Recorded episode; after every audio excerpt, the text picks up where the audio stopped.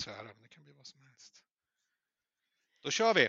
Hej och välkomna till eh, ett nytt avsnitt, en ny podd, Skyddsombudssnack. Jag heter Christer Hansson, jag är huvudskyddsombud på Arbetsförmedlingen och eh, nu kommer du få presentera dig och du är? Du, jag har tänkt ibland så att vi, jag heter Mattias Gustafsson, men ibland har jag tänkt så här, det är så konstigt att vi ska presentera oss själva. Det är så Svensson på den vänster. Ja. Alltså, jag, och nu dissar jag inte din inledning, absolut inte, utan mer bara så här, jag heter Christer Hansson och eh, jag och Mattias Gustafsson har ju skyddsombudssnack som ni lyssnar på. Ja, vi kör igång säger jag då, alltså sån där övergång. Ja. ja. men man måste prata igång sig innan vi kör igång, för det är likadant när man sitter i ett Skype-möte och sen ska man presentera sig utifrån den här listan då, deltagarlistan. Och så är det moderatorn säger, ja då börjar vi med, och så säger den ett namn. Och då säger den, ja, jag heter, och så säger den namnet igen. Ja. ja. Alltså det är ingen dissning där heller, det är bara en sån här iakttagelse. Alltså fenomen man kan roa sig med om man inte har något annat för sig. Ja, herregud. Du, vad har hänt sen sist Christer? Sist vi poddade, vad har hänt? Ja, vad som har hänt för mig, jag, jag tror sen sist vi poddade att jag har hunnit haft covid. Uh, ah. så, ja, precis, det, det, har jag kämpat och brottats med. Uh, eh, men du har väl inte kämpat och brottats så himla mycket? Det har väl snarare varit lite mer sådär att du har inte bara känt lite lukt och smak så? Nej, jag kom, sjuk har du inte blivit? Nej, jag kom lindrigt, lindrigt undan det är som du säger, jag tappade totalt eh, doft och smaksinne. Det var noll så i en veckas tid. Men för övrigt så mm. mådde jag rätt så bra så jag är superglad och tacksam för att det blev så lindrigt som det blev. Men du, du då Mattias, hur har du haft det? Vad har hänt? Nej men du, jag har ju också trott att jag haft corona och tänkt att jag skulle vilja haft corona för att få det överstökat men samtidigt har jag varit väldigt orolig ifall jag hade fått corona tills jag fick provsvar som sa att det inte var corona eller covid eller coviden eller covid-19 eller vad man nu kan säga. Ja, Sars-2 eller något sånt där stod det i mitt provsvar. Ja, så, så. Ja. Ej påvisat stod det också. Jag tänkte att det skulle stå negativt och positivt och så var jag mentalt förberedd på att det ska ju stå eh, positivt. Det är ju inget kul att få det, men det ska vara positivt om man har det. Ja, mitt svar var så här konkret, du har. Du har? Ja, det var bara pang på. Och nu ska du och så var det förhållningsregler. Ja, nej, men du, och, och, vi sitter ju och eh, raljerar lite kring det, men det är ju, ja. det är ju en hemsk sjukdom på det sättet. Men ja. just det här, du vet känsla och jag tänker också hur du eh, reagerade lite grann att, så att ja, men, för du var inte orolig heller när du, haft, när du fick det. Nej, jag var inte orolig innan. Jag gjorde allt för att undvika det. Sen, sen fick jag det i alla fall, men jag, jag var inte orolig under tiden därför att jag fick så lindriga symptom så jag tänkte att ja, men det här kommer gå bra. Även när jag hade symptomen så tänkte jag att det här reder ut sig. Och det, det var mm. jätteskönt. Ja, för det, det är så märkligt. Jag, jag önskade att jag hade haft det fast jag var livrädd för att få det. Mm. Konstigt alltså. Man, ja. man vill få det överstökat bara. Det liksom, och den känslan, det, det, du kan beskriva, där, men nu, nu kan jag göra det här. Nu kan jag vara där och jag kan göra det. Och sådär. Jag behöver åtminstone inte, jag, vad jag har förstått så behöver jag inte vara rädd för att bli smittad igen inom, inom den närmaste tiden. Så, så det, det känns bra. Men, men, men, för övrigt, vi närmar oss ju vaccin, vaccineringstider så att jag tänker håll i och håll ut alla som ännu inte har haft det. För majoriteten har ju inte haft det ännu. Håll i och håll ut. En annan sak som man ska hålla i och hålla ut det är medarbetarengagemang eller medarbetaransvar, Christer Hansson. Ja, men precis. Och då snackar vi inom arbetsmiljöarbetet, arbetsmiljötänket, arbetsmiljöprocesserna. Temat för podden Ja, just det. Ja, just det. Och du, inför den här podden och inför att när du och jag som vanligt eh, liksom pratar om arbetsmiljö och när vi, vi, vi pratar lite om ditten och datten eh, så sa jag någon gång medarbetaransvaret och så sa du, ja men ska man inte tänka medarbetarengagemang och så hade vi en dialog kring det. Jag tyckte att det, det, det är en bra början någonstans att ta sig an det här viktiga området. Mm arbetsmiljölagen använder ju ordet ansvar, eh, även för medarbetare, medarbetaransvar. Och det, när jag tänker på det där så ord är värdeladdade. Ordet ansvar kan betyda flera saker. Det, det, kan betyda att du har ett ansvar och du är också därmed straffskyldig om du inte tar det här ansvaret eller gör det du ska. Och då blir det lite tungt på medarbetaransvaret. Ett annat ansvar är ju, nej jag tar liden på det här, jag är villig liksom att ta det här ansvaret, jag bär upp någonting det är en annan typ av ansvar och då börjar det luta och tippa över åt engagemang. Då. Så, så jag skulle ju ändå vilja omformulera det som lagen säger, medarbetaransvaret. Jag skulle vilja formulera det då eh, medarbetarengagemanget i arbetsmiljöarbetet, att man är engagerad och på det sättet tar ett ansvar. Man skulle kunna nästan säga att det är 51 procent chefsansvaret och 49 procent medarbetarengagemanget som gör ett bra arbetsmiljöarbete. Mm. Du, eh, om vi, vi, vi har fyra pelare som vi tänkte bygga det här, det här resonemanget på. Mm. Eh, om, om vi börjar i, i liksom botten, i grunden någonstans, eh, så, och, och, och, vi också kan ta oss in i det här perspektivet APT, för det är i APT någonstans det tydligaste medarbetarengagemanget kan skapa eller skapas. Ja, verkligen, och, och, och där det gör skillnad också. Eh, det, det, är ju på sektionerna som utförandet sker oavsett om det är verksamhet eller arbetsmiljöarbete. Och då blir ju arbetsplatsträffarna viktiga för det är där dialogen är och där man kommer överens om, om vad som ska ske och vad man ska utföra. Så det är ju verkligen så att säga kitteln eh, som, som gör att man kan också utföra någonting som sätter sina spår i verksamheten. Du, vi hade en, en, generaldirektör som en gång i tiden stod på en scen och sa att APT det är myndighetens viktigaste möte. Och jag tror också att den här generaldirektören hade gjort lite uträkningar på hur mycket tid vi la på APT och vad vi skulle kunna omsätta det till verksamhetsutveckling. Ja. Eh, och eh, i det så, så väldigt mycket rätt som sades då. Ja, verkligen. Han, han, det var ju Mikael Sjöberg. Han hade ju en idé om att arbetsplatsträffarna var ju liksom kraftkällorna som, jag liknar det vid en kittel, energikällor som gör att det kokar uppåt så att säga, och ger kraft och energi i, myndigheten. Då. Men det var därifrån det skulle komma, det var där det hände saker, det var där det började. Eh, och det, och det var det viktigaste mötet för verks, verksamhetsutveckling. Ja men precis. Det vi, det vi däremot trots, den här, eh, trots det här engagemanget från högsta ledningen, trots den här fokuseringen i många delar av verksamheten så kunde vi nog inte riktigt ändå fullt ut se att det gav en effekt. På vissa ställen absolut att det gav en effekt, men på andra ställen så var det inte alls det här det man skulle kunna tänka sig att det skulle kunna skapa. Jag, ty jag tycker att arbetsplatsträffarna drunknar i den stora organisationen. Uh, vi behöver se uh, arbetsplatsträffarna som den inte isolerade men ändå sammanhållande delen på, på, i en sektion. Det är i sektionen man får ett uppdrag och man utför och man levererar. Och då är det ju pratet där om det man kan påverka som är viktigt. Det man inte kan påverka, det får man skicka vidare, men det finns saker man kan påverka. Och, och att inte göra det så komplicerat heller, utan se det som den liksom inramade händelsen. Att det, det är vi här och nu. Vad gör vi av det? Du, och, precis, för, och du brukar också prata om det här lilla företaget, alltså bryta ner det till den här lilla arbetsplatsen. Ja, det blir lättare för mig att förstå då, för jag, jag vill gärna äm, applicera en sektion som ett litet för, som då skulle motsvara ett företag på 10 till 15 personer inklusive chefen. De har ingen det finns ingenting annat runt omkring dem. Det är det företaget, det är dit man går och så är man där och jobbar och utför och har de här dialogerna. Det, det finns liksom inga överstrukturer, sidostrukturer eller understrukturer. Det blir mer som en, en inramad händelse.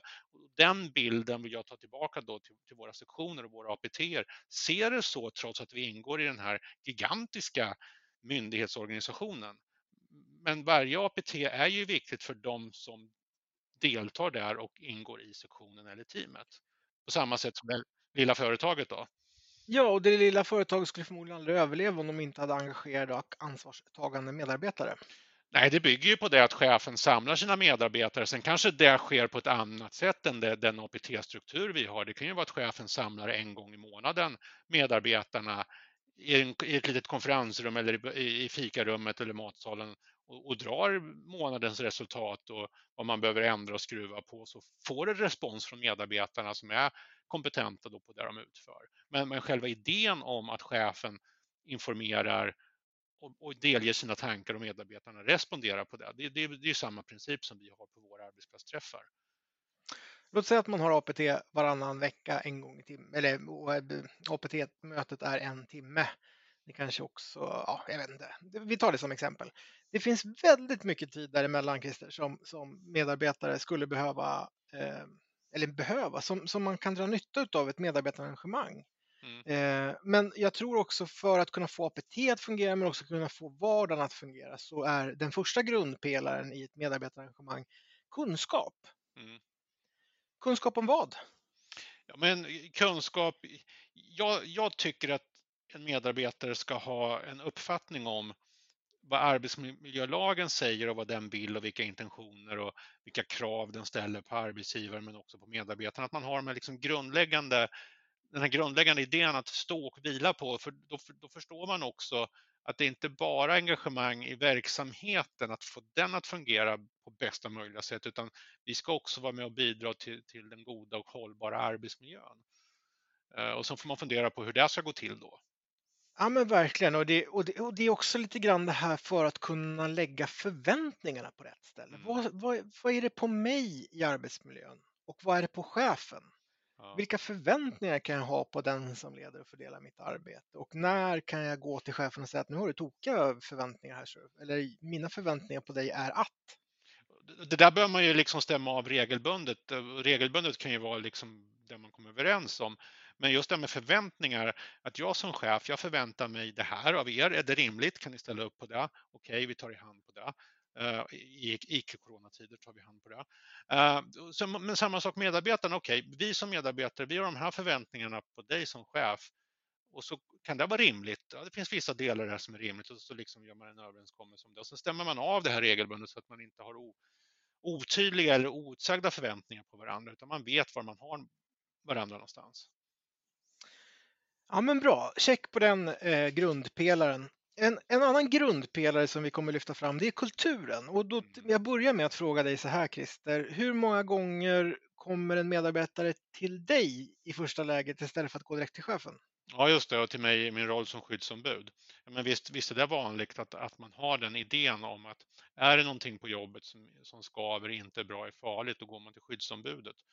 Och det, det, det är ju inte något fel i det i och för sig, men det är ännu bättre att gå till chefen direkt. Och det är det man ska göra, liksom det här ordet ska. Man ska ju gå till chefen och signalera när någonting inte funkar, inte är bra eller har blivit farligt. Eller om man har en bra idé också.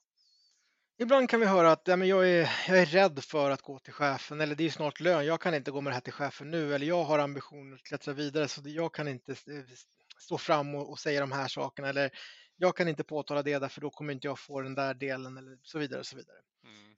Den, den där kulturen, för det är en kultur, mm. skulle jag vilja hävda. Mm. Eh, även om det är en outtalad kultur eller om det är en kultur man bara vävs in i så är det trots allt en kultur därför att en arbetsplats måste bygga på att medarbetare, chef pratar med varandra på ett mm. relativt ärligt sätt. Mm. Det, jag tror inte att det går annars. Nej, vi ska ju inte vara rädda för att, att försöka beskriva verkligheten. Det finns ju en tendens ibland att ja, men, på den här arbetsplatsen tänker vi positivt. Ja, men det finns inte utrymme för bakåttänkare eller negativt tänkande, se framåt, se positivt. Men det är ju verkligen att köra in i en återvändsgränd om man har den idén. Utan vi måste våga lyfta upp både sånt som fungerar bra, är framgångsrikt, men, men också det som inte fungerar. Återigen, det här lilla företaget, 10-15 personer, in, inkluderat chefen, de är ju superberoende av att man inte lurar sig själv utan de måste vara ärliga. Ja, men det här funkar inte. För funkar det inte får man ingen produktion och inga resultat och då ramlar inte pengarna in heller. Man skulle kunna tänka sig att en chef någonstans är som en enigmakodknäckare, alltså på riktigt behöver tyda och förstå signaler från sina medarbetare. Tänk vad mycket lättare det är om medarbetare upplever sig befinna i en kultur där man inte behöver skylla på kylskåpet eller att kaffet smakar dåligt om det egentligen är någonting annat som man är eh, stressad eller arg eller orolig över. Mm. Och kunna säga det direkt till chefen. För jag, jag tror ibland Christer att vi, vi hör de här ah, det är så snuskigt och äckligt i kylskåpet och varför kan inte folk ta undan sina matlådor eller var, varför smakar kaffet alltid så blaskigt eller vad det än kan vara. Mm. Alltså en chef måste ju börja med det som sägs. Alltså säger personalen att kaffet smakar illa och det är en ständig fråga, då behöver ju chefen göra någonting åt det. Och likadant om de säger att eh, kylskåpet behöver städas, ja men då behöver man fixa det. Det är ju det här man kallar för cykelställsfrågorna. Det kan vara fullt relevant, det kan räcka med det. Det kan vara så att kaffet verkligen smakar illa och kylskåpet är skitigt. Men om det inte blir bättre efter det, utan då kommer fler klagomål och ja, chefen alltså, kliar sig, vad är det här för någonting? Då måste man fundera på, är det någonting annat som medarbetarna försöker förmedla? Å andra sidan så ska ju inte medarbetarna klä om frågor för att man inte vågar, utan mer pang på sig som det är. Vi måste våga ha den öppenheten mot varandra. Vi har inte råd och tid med att inte vara ärliga och öppna mot varandra. Och det, men det ska inte vara en ärlighet och öppenhet som sårar och ger illa, utan det är mer att våga benämna det som fungerar bra och det som inte fungerar bra. Här är, det, här är det också viktigt att man chef, skyddsombud, medarbetare pratar om vad, vad är det för kultur vi vill ha och vad är det för kultur vi har mm. för att kunna få en förändring och för också kunna uppnå att det är inte farligt att lyfta negativa saker till en chef inför ett lönesamtal. Det är bara någonting någon har hittat på någon gång i tiden som inte stämmer. Eh, man är inte problematisk för att man anser att man har för mycket att göra eller att man mår dåligt, utan det är snarare tvärtom någonting positivt. Därför att eh, vi ska komma ihåg en sak, Christer, och det är ju att en, en arbetsgivare betalar ju för en tjänst för oss medarbetare att utföra. Mm. Det, det, är ju där någonstans grunden ligger i att vi har ett anställningsförhållande, vi har ett anställningsavtal eh, och att jag i det ska använda min kunskap och kompetens. Eh, skulle vi inte skapa grund för de här sakerna så skulle vi aldrig någonsin kunna bedriva en effektiv verksamhet. Ehm, så det här är ju egentligen i högsta grad verksamhetsbärande frågor som man måste få till för att kunna ja, men ha en verksamhet som, som, som kan leverera en effektivitet och, och också leverera eh, bra saker. Skulle skicka in ordet tillit också till varandra. Återigen det här samarbetet, den här gemensamma dansen vi rekryterar ju medarbetare utifrån kompetens och skicklighet och det är någonting man har med sig redan från dag ett. Sen lär man sig yrket och det, det interna Eh, arbetet på plats, men det är ju ytterst kompetenta människor vi, rekryterar till att börja med som också är väldigt självständiga. Det är en bit att ha tillit till det att varje medarbetare är en individ som, som kan och förstår och, och levererar och, och, kan uttrycka sig. Eh, samma sak förväntar jag mig att cheferna är kompetenta, förstående och redo för sin uppgift. Och då bör det här fungera sen i synergi med varandra, att man har tillit till varandra. När man, när man kommer till varandra oavsett vilken part det är, att jaha, säger du det, var nyfiken på det, ta reda på, undersöka, åtgärda och allt det här. Vi har pratat om kunskap, ge medarbetarna kunskap i. Vi har pratat om ta reda på vilken kultur ni har och, och bestäm vilken kultur ni vill att det ska vara. Eh, den andra eller tredje delen i det här eh, grundpelarsbygget för att skapa ett medarbetarengagemang, det är återkoppling. Om vi tar exemplet med mattan som vi tidigare pratat om i den här podden. Mm. Skulle du som medarbetare komma till mig som chef och säga du, den här mattan alltså, det halkade på nytt på den här rackaren och jag går ut och kliar mig i huvudet och funderar på hur jag ska kunna åtgärda det där. Och så åtgärdar jag den, men jag berättar inte för dig. Hur, hur stor är sannolikheten liksom generellt att du nästa gång kommer till mig och berättar om någonting som är tokigt om, jag, om du inte får återkoppling på det? Ja, men det vet man Mattias, man har ju tittat på det här med feedbackkultur och eh, det finns olika sätt och olika grad av, eh, av feedback och icke-feedback och vilka effekter man får. Och det vet man uh, via de studierna att får man ingen feedback så avstannar engagemanget och viljan att bidra. Så just feedback är, positiv, är viktigt för att hela tiden ha, få effekt på det här med att alla vill vara med och bidra. Man, man, man tappar det... det rätt så fort ifall man inte får feedback. Ja, och det är inte alltid nödvändigt att feedbacken behöver bestå eller återkopplingen behöver bestå i att du, jag åtgärdade mattan eller du, jag köper din idé rakt av. Vi gör så. Mm. Men man måste få en återkoppling som medarbetare på att sitt engagemang har lett till någonting. Oavsett om det är ett ja eller nej eller positivt eller negativt så måste man få en återkoppling på det. Det, det är grundläggande för att ett engagemang ska kunna bibehållas. Mm. Eh, slutligen i, den här, i det här pelarbygget, nu har vi uppe, är vi uppe i tre stycken, eh, det är just det här att det behöver, ibland behöver man vi kan stöta på ibland människor som säger när vi säger så här, men nu ska vi göra en riskbedömning. Nej, men varför måste vi titta på risker? Kan vi inte titta på möjligheter istället? Mm. Det är ju så att håret kan eh, ställa sig upp, ställa sig upp på ett skyddsombud som jag ibland när man får höra något sånt tossigt. Mm. De allra flesta framgångssagor, faktorer, framgångsrika företag bygger på att man har riskbedömt och fått fördelar gentemot konkurrenterna för att man har sett farorna, man har sett hindren, man har åtgärdat dem. De framgångsföretagen bygger inte på att tänka positivt och köra huvudet i väggen till slut för att man är blind för vad man behöver åtgärda för att få en bra verksamhet och eh, arbetsmiljö. Så eh, att, att riskbedöma skulle jag, eller påstår jag med, med kraft, att det är nyckeln till framgång. Så det är också så där, låt säga att en chef står och presenterar ett, ett förslag till förändring och så räcker någon upp handen och säger det där, jag tror inte att det där kommer funka. Då ska man inte klassa den personen som negativ. Man ska klassa den personen som en framgångsfaktor. Ja. Därför att det är ju de där granskningarna och kunna ha en det, och det, bygger väl, det är väl lite, låt säga att den här pelaren står bredvid kulturpelaren, men just att vi måste våga också se riskerna för att kunna överbygga hindren. Liksom. Ja, men det är ju en del av kulturen. Nu kopplar du ihop det bra Mattias. Äh, låt de två pelarna kultur och, och det här med riskbedömningar vara var för sig, men det finns en kraftig brygga däremellan. Att vi har en kultur av att våga, orka och engagera oss i de risker vi ser, de hindren vi ser, de faror vi ser. Därför att vi vill verksamheten väl och vi vill medarbetarna väl.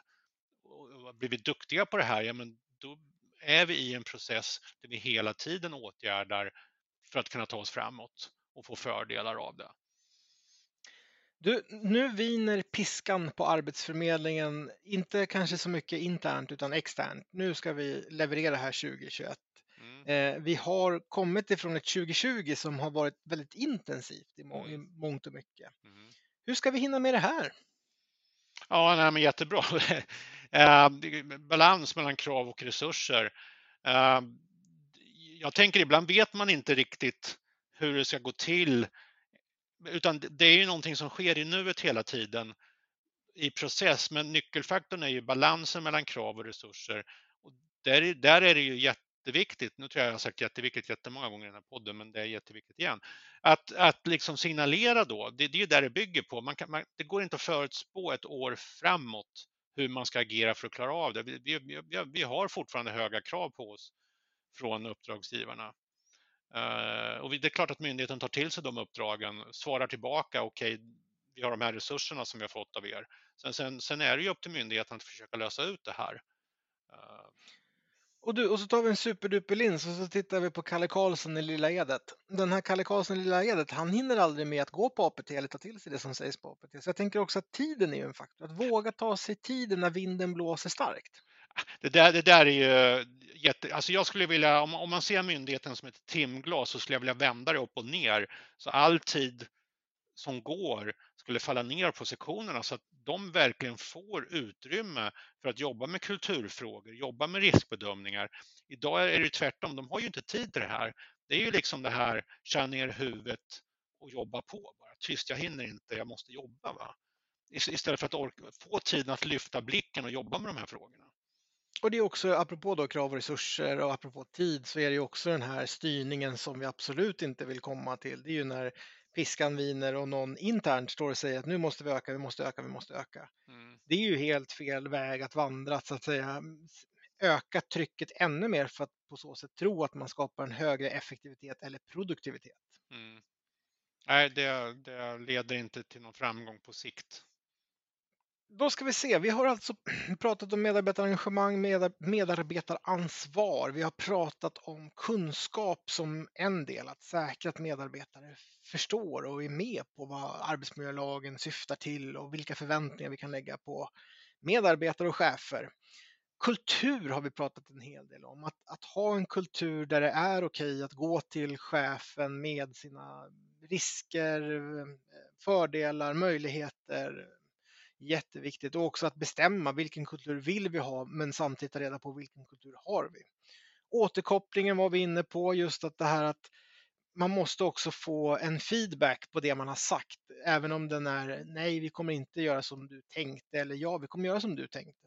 Och slutligen den här inte bara det får, det, vi ska inte bara ha ett glatt tjosan hejsan klimat utan vi måste få lyfta risker också. Eh, där har vi väl podden i ett nötskal, Christer? Ja, men du ramar in det jättebra, Mattias. Du, då säger vi god jul och gott nytt år till de som eventuellt lyssnar på den här podden. Ja, det gör vi. God jul och gott nytt år.